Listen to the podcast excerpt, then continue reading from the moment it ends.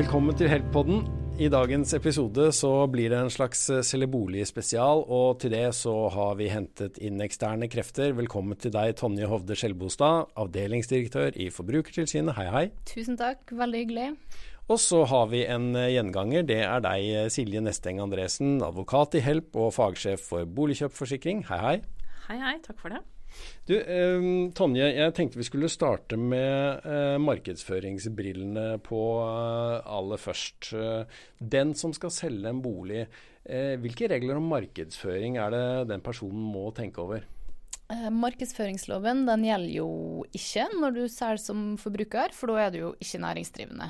Eh, men det er jo likevel ikke sånn at det er fritt fram uh, for hvordan du skal legge opp løpet, eller hva du skal si. Ja, det er jo ikke sånn at man ikke risikerer å havne i ansvar selv om man selger selv, Silje? Nei, er absolutt ikke. Og det å selge bolig er jo Da er det viktig å holde tunga rett i munnen, for å si det sånn. Det er viktig at man gir presis informasjon, og ikke minst at man gir all den informasjonen som man skal gi. Um, og de reglene som uh, i, i, utgangspunktet gjelder for kjøper og selger som er da involvert i en bolighandel, det er jo avningsloven. Og den gjelder på like fot uavhengig om du bruker megler eller ikke. Og vi ser jo, og heldigvis kan man kanskje si, at de aller fleste velger å bruke megler når de selger bolig. Uh, og megleren er jo underlagt både um, eiendomsmeglingsloven, som stiller en del krav til informasjon og omsorgsplikt og god meglerskikk. Eh, og så er de jo underlagt markedsføringsloven, som regulerer hva de sier i markedsføring i vid forstand. Hva er de typiske feilene, da? Um, de typiske feilene er jo at du tar munnen for full. Uh, at du overdriver de positive beskrivelsene av boligene. Fokuserer på uh, utsikt som kanskje er helt minimal.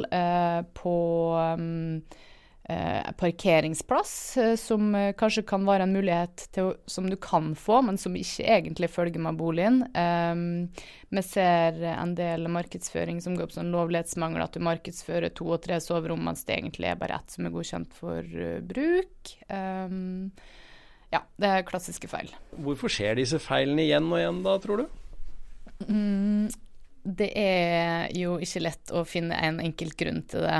Um, det kan jo være at en som eh, megler blir litt sånn overivrig. At en vil gjøre en eh, fantastisk god jobb for selger, og så tenker en det at å bare kjøre på med markedsføring og framheve alt av positive ting og fordeler, det er bra. Og så er en kanskje ikke så opptatt av å sjekke opp de mer formelle sidene med boligsalget Um, sørge for at beslutningsgrunnlaget for kjøpere er godt og balansert uttrykt. Um, ja, det kan være at en er litt sånn overivrig på innsalget. Eh, det er få som ser så mange boligsaker som uh, deg, Silje.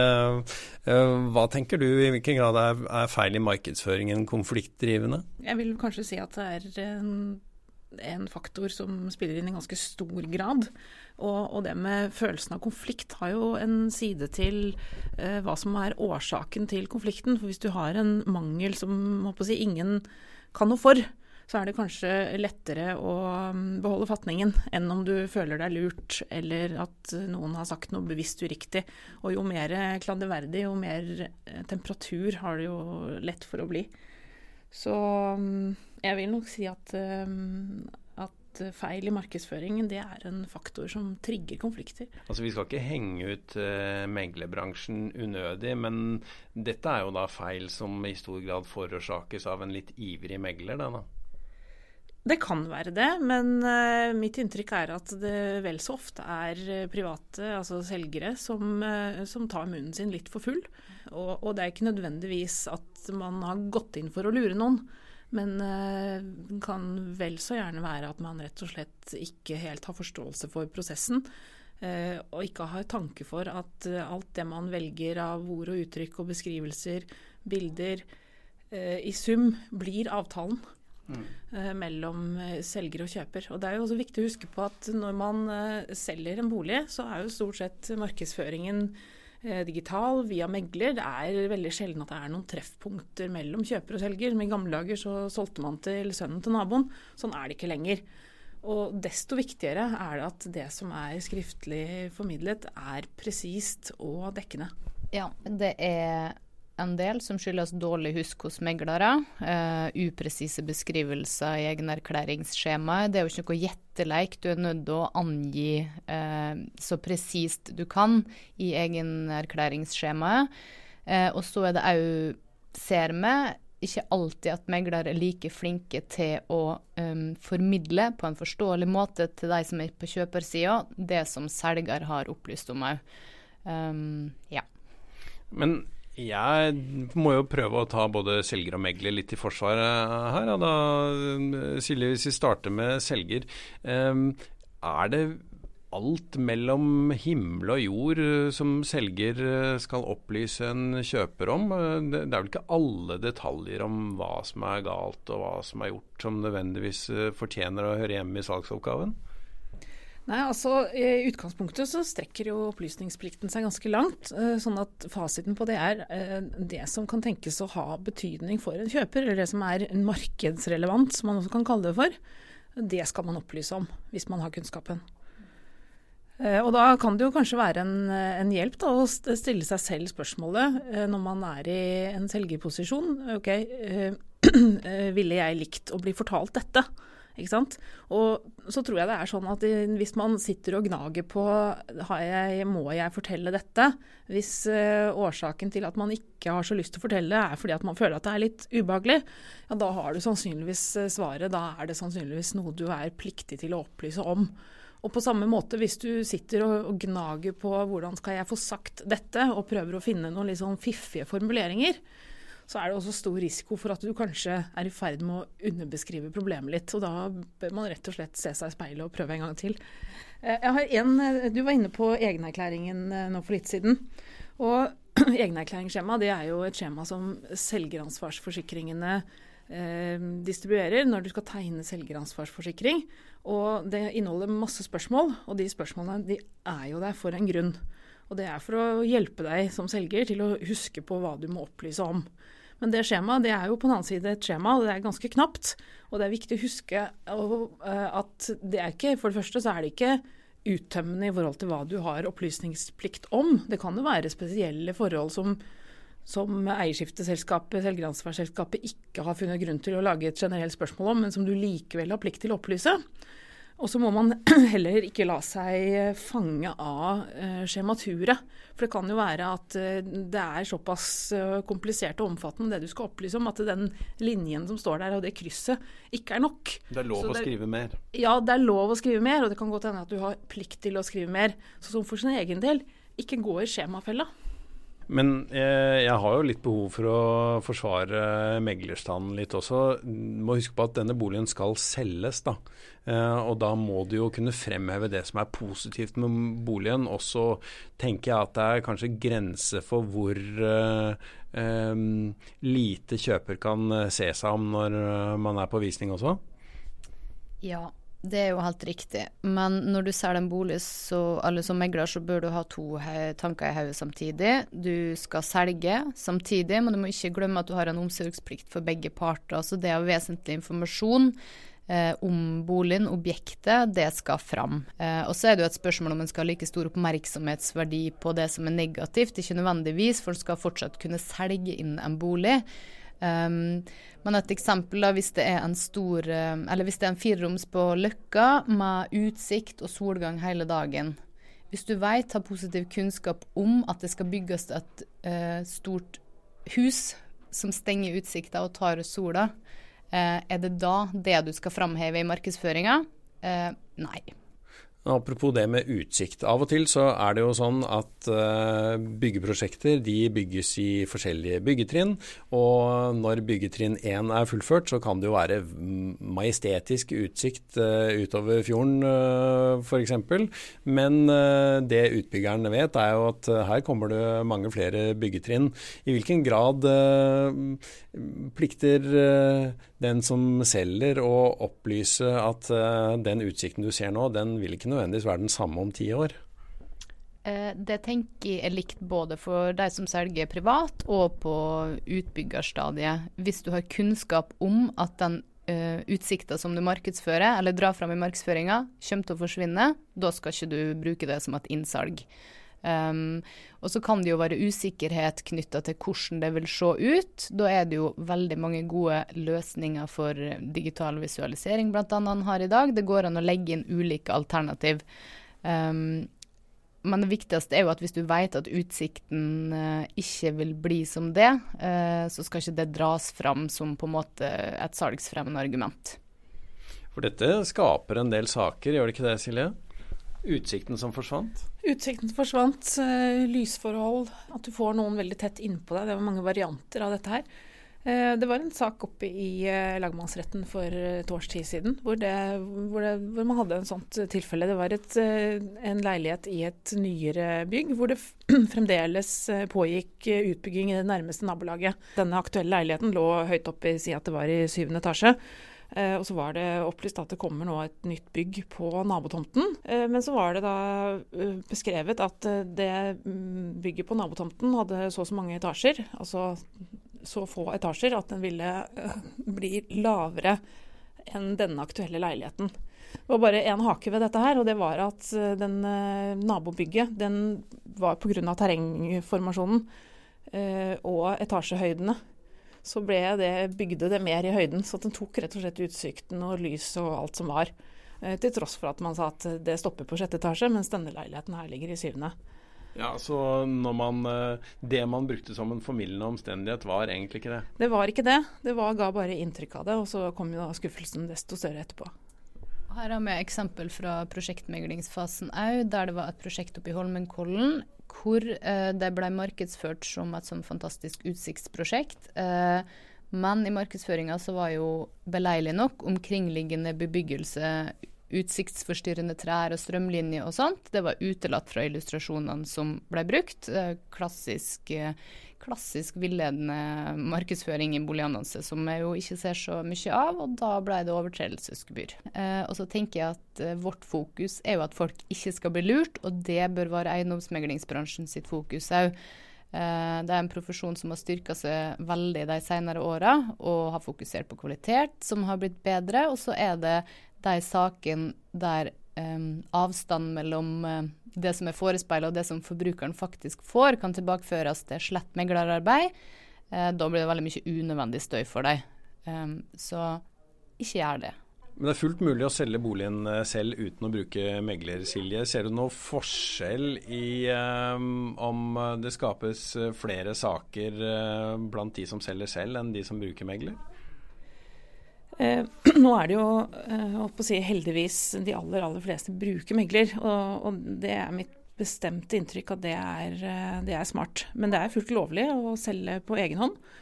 Eh, det forutsetter at du for at ikke du skal eh, løpe en stor risiko, så forutsetter at du har begrep om hva du, hva du begir deg ut på.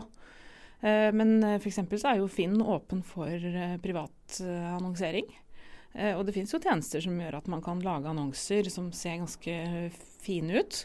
Eh, men det er jo innholdet som er eh, viktig her. At det er beskrivende, at det er dekkende og korrekt. Um, av de tallene, altså av de sakene som vi ser, så, så har vi et uh, ganske bestemt inntrykk at det er nok noe økt risiko for at det går galt uh, når det er uh, privatsalg. Og grunnen til det er jo at um, som privatperson så har man stort sett ikke erfaring med disse tingene. Man har ikke rutiner. Uh, man har ikke ja, rett og slett et system som er, uh, som er, rigget for at man skal gjøre dette her på en trygg måte. Man gjør det kanskje også for første gang. Har du da noen eksempler på at privatpersoner kanskje tar i litt ekstra i forhold til hva en dreven eiendomsmegler ville ha gjort? Ja, altså jeg har et eksempel eh, som var i lagmannsretten for noen år tilbake. Det var eh, ikke så veldig lenge etter at Finn var åpnet for eh, privatsalg. Det var en enebolig som var eh, ja, en del år gammel. Den var bygd på og bygd om og rehabilitert. Eh, ganske stor enebolig. Eh, eieren av denne var en ung dame som hadde arvet huset. Hun fikk hjelp av faren sin, som helt sikkert i beste evne skulle, eller med beste ønske, skulle hjelpe datteren til å spare noen tusenlapper i meglerhonorar. det her eh, objektet ble, det var en verditakst som ikke sa altfor mye. Og så var det jo en fin annonse som sa strengt tatt litt mer enn verditaksten. Uh, ganske mye. Og det var nytt, og det var uh, nyeste våtromsnorm, og det var uh, totalrehabilitert nylig, og det var ny drenering, og det var nye rør, og det var nytt el, og det var ja, i det hele tatt ganske mye av alt. Eh, så viste det seg at det var jo på langt nær så mye som var gjort. Og det som var gjort, det hadde man stort sett gjort eh, selv. Eh, og resultatet var ikke all verdens bra. Og her endte det med at selger måtte ta tilbake eiendommen på heving, fordi at differansen mellom det inntrykket man hadde gitt, altså de beskrivelsene man hadde gjort, og det som kjøperen faktisk fikk, det ble jo enormt. Når man hadde dratt på såpass mye som man hadde gjort her. Og man kan da si at her var det rett og slett pappas superlative bonanza som førte datteren i ansvar. Og det er trist. Jeg tror ikke hun hadde ønske om å lure noen, men eh, det gikk ordentlig galt. Dette er jo en skrekkhistorie, men det kan jo skje. Men det illustrerer jo ganske godt at det å selge bolig sjøl, det er for de spesielt interesserte, kan du si. Og så har du da ikke det korrektivet som en da megler um, kan komme inn med, eller skal komme inn med i ettertid. Uh, vi kan jo se for oss at denne saken ikke hadde endt så galt hvis det hadde vært megler inne. Ja. Og, og, det, og, det, tror jeg nok at det er stor sjanse for at uh, denne saken her hadde endt som en sak. fordi det var mye, var mye feil, det var konstruksjonsfeil, ting som ikke du kunne se sånn uten videre. Men jeg er ganske sikker på at en eiendomsmegler ville Eh, stoppet opp og vært litt, eh, rett og slett vært filter og sagt ok, du sier at det er totalrehabilitert, men det forutsetter sånn og sånn. Eh, har det faktisk gjort så mye? Eller har du dokumentasjon på at våtromsnormen Og så ville man fått korrigert i forkant, fordi man, hadde skjønt at man ikke kunne stå for disse beskrivelsene. Eh, og så hadde det da kanskje fortsatt vært noen skader og noen feil man ikke hadde avdekket, men differansen mellom det man hadde beskrevet og det man hadde levert, hadde sannsynligvis blitt mye, mye mindre. Og sannsynligvis hadde ikke endt med heving, som er den strengeste sanksjonen i avningsloven. Men hvis vi eh, tar for oss eh, eh, Går tilbake til markedsføringen igjen, Tonje. Det må jo være lov å dra på litt når man skal selge en bolig. Altså sånn, Hvis jeg skriver 'beste boligen i byen', så er det jo ingen som kan ta meg for det. Altså, du må jo overlate litt til folks vurderingsevne også, må du ikke det? Jo, åpenbare overdrivelser, det er ikke ramma av markedsføringsloven. Eh, og så er det jo et spørsmål eh, hva som er en åpenbar overdrivelse. Eh, det er jo skjønnsmessig, som så mye annet innenfor jussen. Eh, men hvis du gir en opply eh, opplysning som er villedende, og som har på en måte vørma og forma kjøpsbeslutninger hos forbrukeren, så tenker jeg at en skal være veldig forsiktig med det. Um, Altså sjøgløtt, ja, da kan du gløtte på sjøen, så ja, da er det riktig. Men en skal ikke villede forbrukeren sjøl om det eh, umiddelbart kan virke fristende. altså. Eh, det som vi ser, eh, ikke så helt sjelden, er jo at eh, man markedsfører sjøgløtt. Og så parallelt med det, så har kanskje naboen tenkt at han skal bygge på eller bygge om eller skille ut en tomt eller et eller annet som, som ikke er synlig ennå. Og så, som gjør at denne, dette sjøgløttet eller sollyset, kveldssolen, hva det måtte være, eh, forsvinner. At det ikke er en egenskap som er varig. Eh, det, er en, det er en hyppig, hyppig, problemstilling. Har du noen flere eksempler på hva skal vi si, klassiske eksempler på feilaktig markedsføring av en bolig? Ja, det vi ser en del av, det er jo markedsføring av utleiedel f.eks. Um, og for at megler lovlig skal kunne framheve utleiemuligheten i markedsføringa, så må de oppfylle offentligrettslige krav her. Og det er jo Eh, en sånn liten obsen bør ha med seg på kjøpersida hvis en ser det i markedsføringa. Eh, finlese salgsoppgaven og eventuelt stille megler noen kontrollspørsmål for å forsikre seg om at det er noe en kan videreføre når en overtar som kjøper av boligen. Og Hvilke kontrollspørsmål kan det typisk være? da? Eh, nei, er, kan dette her lovlig leies ut, eller er det bare noe selger eh, har gjort uten å forsikre seg om at det er lov? er jo kanskje det første spørsmålet jeg ville stilt. Ja, Og sørg for å bekrefte skriftlig etterpå hva, hvordan du har forstått det. Det tror jeg også kan være et det godt råd. Det er jo et veldig godt råd i all kommunikasjonen har med meglere i en sånn prosess òg, at en har noen oppfølgingsspørsmål, f.eks. etter visning, og så er det noen ting en stusser litt på eller lurer på. Um, ja, fint å ta en telefon, men bekrefte skriftlig med en e-post etterpå. Så du er sikker på at du har det dokumentert. Det der var eksempler som uh, de fleste nok har hørt om i en eller annen sammenheng. Men uh, hvor går egentlig grensen for hva man uh, plikter å opplyse om når man skal selge en bolig, tro? Ja, det er jo lett å tenke at du snakker om de fysiske tingene, skader eller feil, lyter, som, som er knyttet til eiendommen og bygningsmassen som sådan. Men det er viktig å huske på at man som selger også kan ha opplysningsplikt knyttet til andre forhold som er mer omkringliggende. Et klassisk eksempel er jo dette her med naboer. Eh, hvis du har en nabo som, eh, som er litt utenom det vanlige. Altså, man må jo eh, ha en forventning om at folk er forskjellige, og vi har litt forskjellig toleranse. og sånn. Det er en, det en toleransespekter her, men det er jo noen som er utenfor det. Um, og det kan være naboer som driver med kriminell virksomhet, det kan være narkotrafikk, det kan være prostitusjon. Eh, det kan være mye husbråk, slåssing, eh, oppmøter fra torpedoer, ting som gjør det veldig utrygt og skremmende å bo der. Eh, eller det er et tilfelle med psykiatri, hvor man rett og slett plages av naboer som ikke, som ikke er friske. Vi hadde et eksempel hvor det var, en, det var en bygård med små leiligheter. Selger hadde det i egenerklæringen krysta for et spørsmål om det er andre forhold, forhold i sameie eller borettslaget som er interessant å vite om. Uh, hadde da krysta for at ja, det var det, og tilføyd at her var det, hadde det vært en disputt med en nabo. Men at styret hadde ordnet opp. Kjøpet flyttet inn, og det tok ikke fryktelig lang tid før det brøt ut et uh, kjempeproblem. Naboen var rett og slett veldig skremmende, truende, bråkte til alle døgnets tider og var vel det som de fleste ville kalle for gal. Um, og styret ja, de hadde jo vært i kontakt med vedkommende og hadde anmodet henne til å holde opp. Hun hadde vært innlagt på institusjon en god tid. Eh, og da hun kom tilbake, så var jo fortsatt problemet minst like stort som før. Eh, den saken endte i retten, og dommeren eh, kommenterte i dommen at disputt det var kanskje ikke helt dekkende i dette tilfellet her. Dette her var langt mer enn en disputt. Disputt det er noe med at man har en, en krangel, en interessekonflikt, som ikke er så fryktelig alvorlig. Uh, dette her var veldig skremmende og, og ubehagelig. Og på grensen til grove trusler. Så det var ikke dekkende og selger ble dømt. Ut fra det dere har sagt til eh, nå, så forstår vi at presisjon er viktig når man skal forberede salgsdokumentene for det man skal selge. Men er det andre gode råd som eh, er nyttig å gi til eh, de som hører på nå og skal selge boligen sin? Ja.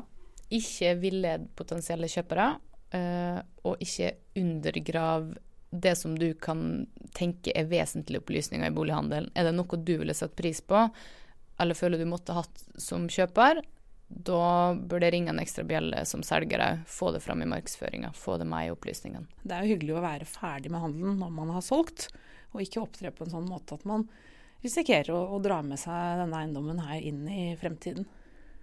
Og så tror jeg det er sånn, eh, Tonje, at hver dag i norske rettssaler så er det en diskusjon om hvordan opplysningene som er gitt til salgsdokumentene skal tolkes.